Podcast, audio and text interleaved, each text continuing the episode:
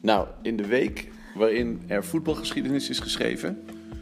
Liverpool wint met 4-0, Barcelona naar huis. In de laatste seconde verliest Ajax tot een Hotspur naar de finale.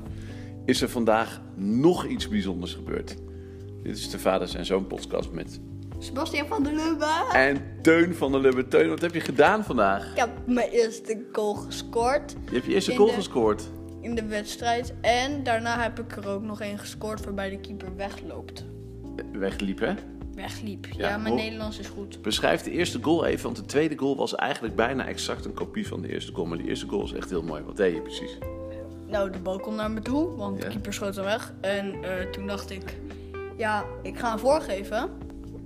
Eh, dus ik schoot hem dus hard. eh, in een boog. Maar in plaats van dat het een voorzet was, was het een goal. Dames en heren, het was gewoon een klassieke Pele. Het was een klassieke Pele. Pele neemt de bal bij de middenlijn aan. Hij kijkt, hij ziet de keeper gewoon te ver voor de goal staan. En schiet hem er gewoon in. Een historisch weekend, want Teun van der Lubbe scoorde voor de eerste en de tweede keer in zijn carrière. Teun, hartelijk dank. En we hebben met 9-2 gewonnen. En we staan, Eerste. we ook hè, papa ook een beetje hè, toch? Nou, Dank voor uw aandacht en tot de volgende Vader en Zo podcast. doei!